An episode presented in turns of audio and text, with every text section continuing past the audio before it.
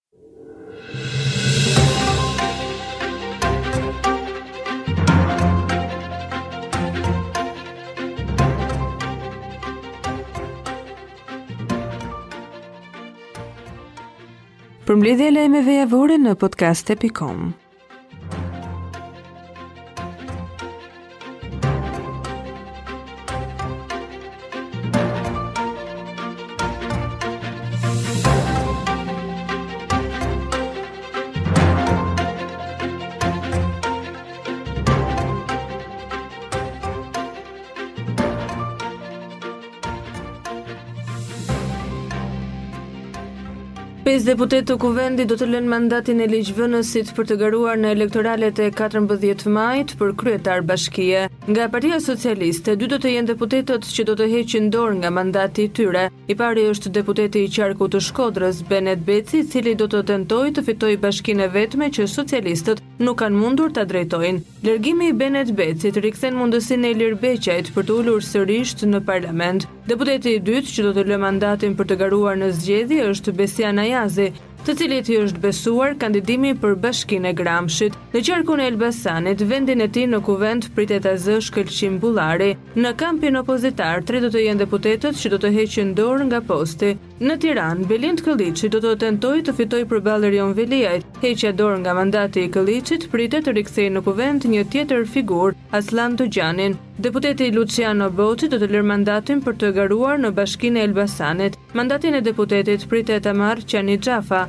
Zef Hila është një tjetër deputet i cili do të lërë mandatin për Bashkinë e Vaut Dejës. Vendin e tij pritet ta zërë Lodovik Hasani, pasi Bardh Spahia, që është i radhës në listë, pritet ta refuzojë.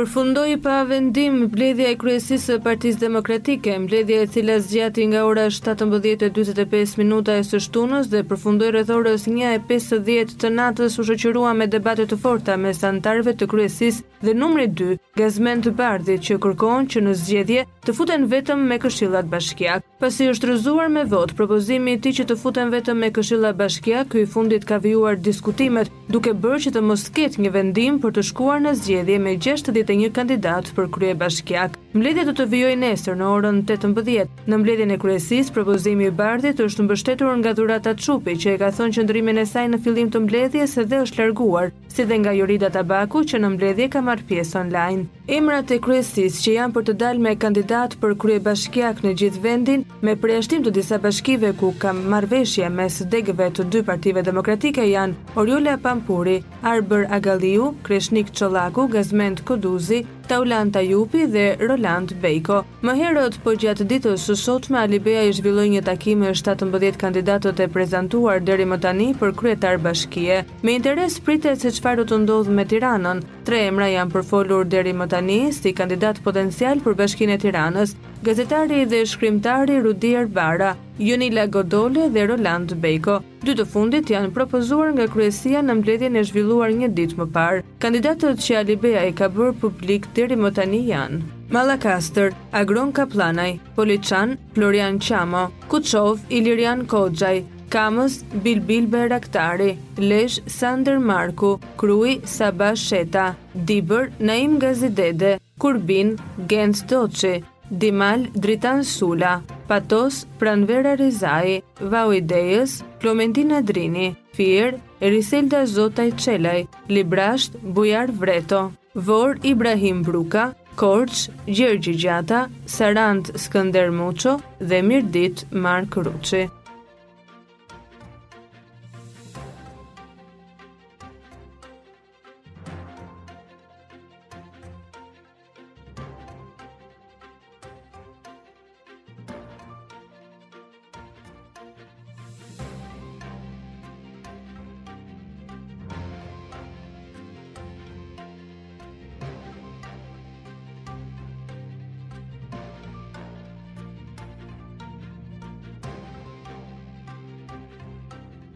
Sekretari i Përgjithshëm i Partisë së Lirisë, Tedi Blushi ka rikujtuar disa nga propozimet e Partisë së Lirisë në mbështetje të familjes. Blushi në Facebook shkruan se në programin e Partisë së Lirisë është propozuar kredi për çiftet e reja, grante për të rinjtë të cilët duan të hapin një biznes dhe trefishim të bonusit të bebes. Sakaq thekson se mbështetja e familjes është kauza më madhore që ka Partia e Lirisë. Me urimin për një të diel të gëzuar me familjet tuaja, po ju rikujtoj disa nga propozimet konkrete të Partisë së Lirisë në mbështetje të familjes. Për nënat me dy dhe më shumë fëmijë, diferencimi i taksave mbi pagën dhe të ardhurat, gjatë lejes së lindjes, do të paguhet paga e plotë për një vit kalendarik. Çiftet e reja të mbështeten me kredi familjare deri në njëzet mijë euro, me interesa të subvencionuara nga shteti. Të jepen grante deri në njëzet mijë euro për sipërmarrësit e rinj deri në moshën njëzet e pesë vjeç, të cilët krijojnë biznese sociale dhe startup-e. Të trefishohet bonusi i bebes. Për çdo fëmijë që lind të jepet një shpërblim trefish më i madh.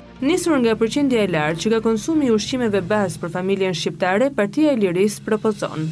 Rimbursim deri në pesë për qind të shumës së TVSH-së të shpenzuar për ushqimet bazë sipas faturave të blerjes, në veçanti për familjet me fëmijë zero deri në tre vjeç, të krijohet shporta e bebes me ushqimet bazë dhe artikuj të higjienës për të cilat do të bëhet rimbursim deri në dhjetë për qind sipas faturave të blerjes, të vendoset sigurimi i detyrueshëm i jetës në ambientet parashkollore, shkollore, rekreative dhe sportive për fëmijët e moshës nga zero deri në tetëmbëdhjetë vjeç.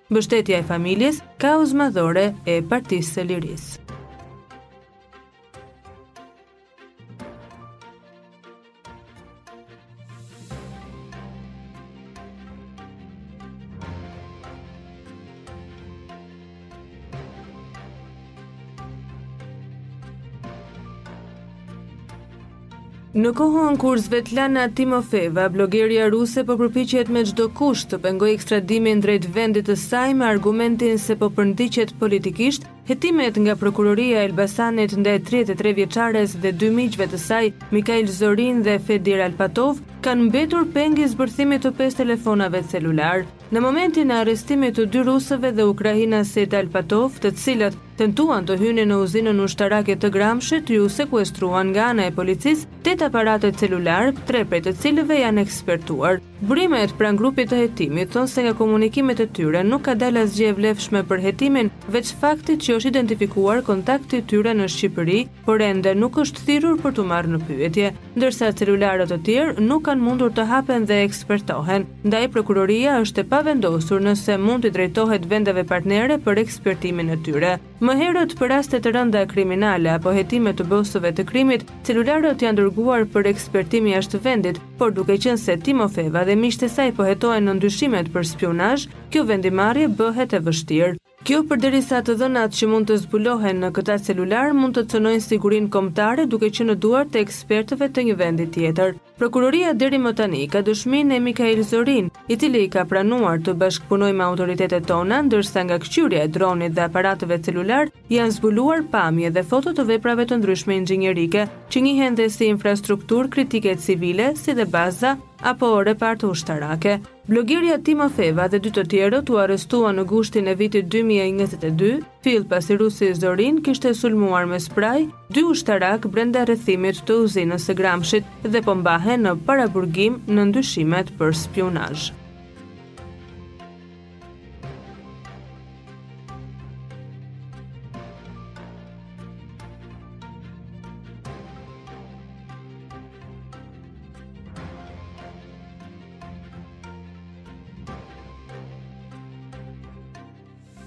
Arsen Hamolli, 26 vjeç, u arrestua nga policia e Tiranës pasi lëvizte me automjetin e tij pa patentë. I riu të cilit i ishte hequr leja e drejtimit përfundimisht para disa kohësh për shkak të shkeljeve të shumta në qarkullimin rrugor, Duhej të ishte rifutur në kurs për t'u pajisur sërish me të, por kjo nuk ka mjaftuar ta bindë Hamollin, i cili zgjodhi t'i japë makinës në kundërshtim me ligjin. Policia kishte informacione në rrugë operative se ai lëvizte pa patentë dhe gjatë ndërhyrjes për arrestimin e tij, iu gjetën në makinë një maskë e zezë dhe një shkop metalik si ata të policisë, çfarë ngre dyshimet se ishte përgatitur të kryente vepra të tjera penale. Pas arrestimit, njëzet e gjashtë vjeçari rezultoi edhe në gjendje të dehur. Një tjetër i ri u arrestua në Tiranë, kësaj here i dyshuar duke drejtuar mjetin në ndikimin e lëndëve narkotike dhe me drogë me vete. Enea Deda, njëzet e tetë vjeç, u kap gjatë një kontrolli rutinë në Shkoz. Brenda makinës iu gjet Cannabis Sativa, ndërsa pas hetimit me Aquila Scan u rezultua se i duhej bërë testi i drogës në laborator. Dedës, policia përveç arrestimit i pezulloi patentën për dy vjet e gjobiti me dyqind mijë lekë, dhe iu hoqën nga patenta dhjetë pikë. Që prej hyrjes në fuqi të pikëzimit të patentave në Kodin Rrugor në vendin tonë, treqind e shtatëmbëdhjetë persona në të gjithë vendin e kanë humbur shansin për ta patur. Ata për t'u pajisur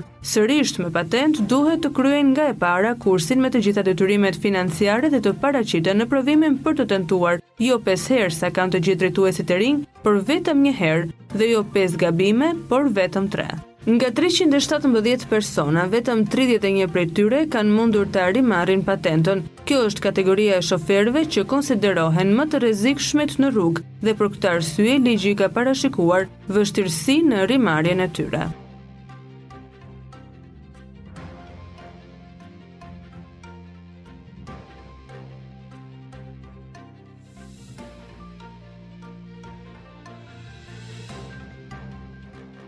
Vëzhguesit ndërkombëtar që monitorojnë reformën në drejtësi janë shprehur të shqetësuar për një projektvendim që po diskutohet në Këshillin e Lartë të Prokurorisë për rikthimin në detyrë të ish-prokurorit Besnik Cani.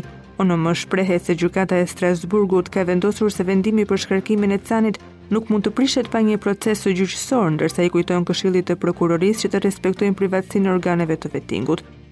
Operacioni ndërkombëtar i monitorimit ka reaguar kundër projektvendimit të Këshillit të Lartë të Prokurorisë, i cili synon kthimin në sistemin e drejtësisë të ish-prokurorit Besnik Cani. Gjatë mbledhjes, KLP interpretoi një vendim të Gjykatës së Strasburgut ku sipas Këshillit Gjykata e ka rrëzuar vendimin e Komisionit të Posaçëm të Apelimit për shkarkimin nga detyra të Canit dhe se në fuqi duhet të jetë vendimi i KPK-së, i cili e rikonfirmoi atë në detyrë. Një 31-vjeçar është arrestuar pasi është kapur duke transportuar heroinë në makinën e tij. Ndërsa në kërkim është shpallur një bashkëpunëtor i tij, Armando Papa u arrestua nga uniformat blu teksa transportonte dyzet e një kilogram dhe shtatëqind gram heroinë në makinën e tij në drejtim të Rinasit. Papa është ndaluar nga policia për kontroll në rrethrrotullimin e aeroportit dhe në bagazhin e makinës është gjetur e fshehur lënda narkotike e ndarë në 62 pako, të cilat u sekuestruan në cilësinë e provës materiale së bashku me automjetin dhe një mjet prerës. Papa është banues në Fushë-Kuqe të Kurbinit.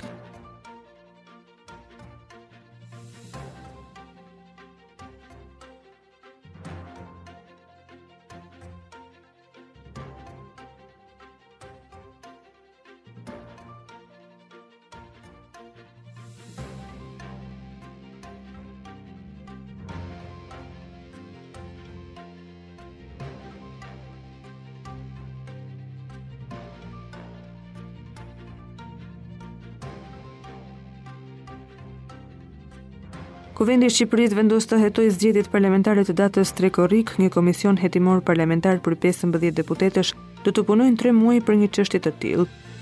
Komisioni do të drejtohet nga opozita me në krye Arben Isarajn, ndërsa nënkryetari është i mazhorancës. Komisioni do të hetojë zbatimin e legjislacionit duke filluar që nga qendrat e votimit dhe deri tek komisionet zonale.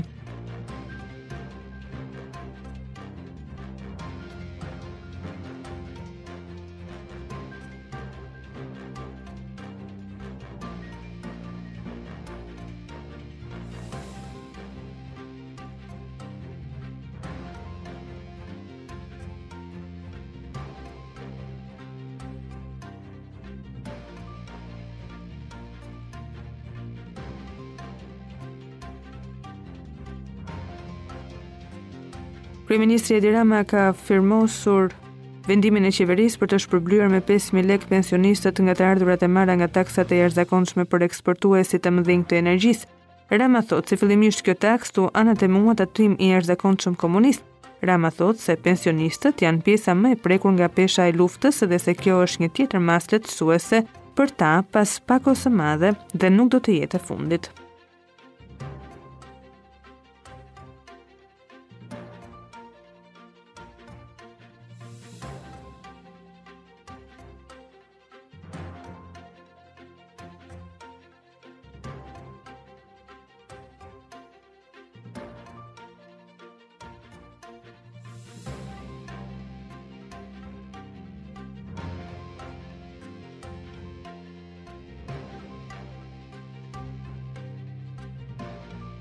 Drejtuesi politik i socialistëve për qarkun e Tiranës Erion Veliaj nga Kavaja ku prezantoi kandidatët për këshillin bashkiak e quajti fyerje atë që po u bëhet demokratëve për në 14 maj. A ka fyerje më të madhe për demokratët që të detyrohen nga Sali Berisha dhe të votojnë listën e Ilir Metës? armikut më të përbetuar të së djathtës, atë që rrëzoi çdo qeveri të djathtë, që minoi çdo qeveri të djathtë dhe tradhtoi çdo pakt me të djathtën, që çdo ditë të dalin faturat se paguhen nga Rusia, shok, kush është ai demokrat që me sinqeritet pranon të shkojë si cjapi te kasapi, por që të fyhet çdo demokrat i Kavajës, të kërkohet që të votojë për listën e rublave të Ilir Metës, ku praktikisht po shitet Partia Demokratike te armiku më i betuar i të djathtës, ky është mëkat i madh.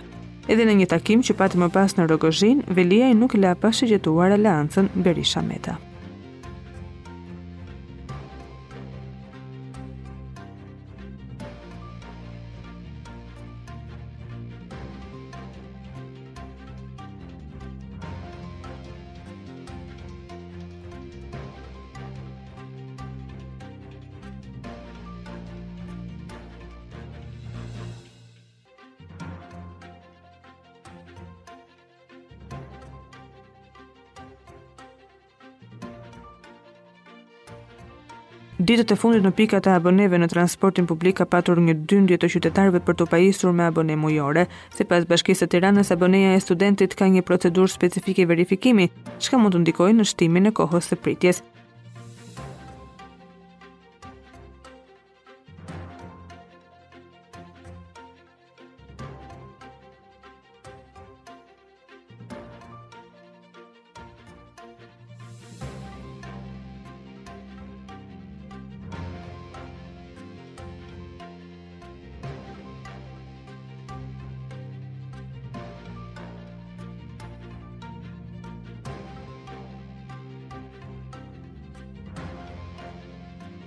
Familjarët e gruas që u plagos në Lushnjë akuzojnë familjen Hasalla për ngjarjen, por këta të fundit e mohojnë të kenë lidhje, ashtu siç deklaruan dy vëllezërit për Klan News pas plagosjes edhe babai i tyre Shaip Hasalla, thotë se djemtë e tij nuk janë në Shqipëri, çunat nuk janë këtu, Armando është në Greqi, kurse Laerti ka ikur dy net përpara në Itali, ka vajtur tek vjehrri me gjithë nusen dhe me gjithë kalamajtë, Shaipi është një nga personat e marrë në pyetje në lidhje me plagosjen e Bejam Esenaj, ndërsa policia mori edhe dëshminë e dy djemve të tij përmes telefonit. Dje ishim në gjyq për tokën për ullinjtë dhe për djalin që u vra. Sa erdha në shtëpi, erdhi policia dhe tha ke vrarë njerëz. Unë nuk di gjë, thashë. Vëllai i gruas Afrim Hasalla, akuzoi fisin tjetër me të njëjtin mbiemër se u bënë pritë pasditen e së enjtes duke i qëlluar me armë zjarri.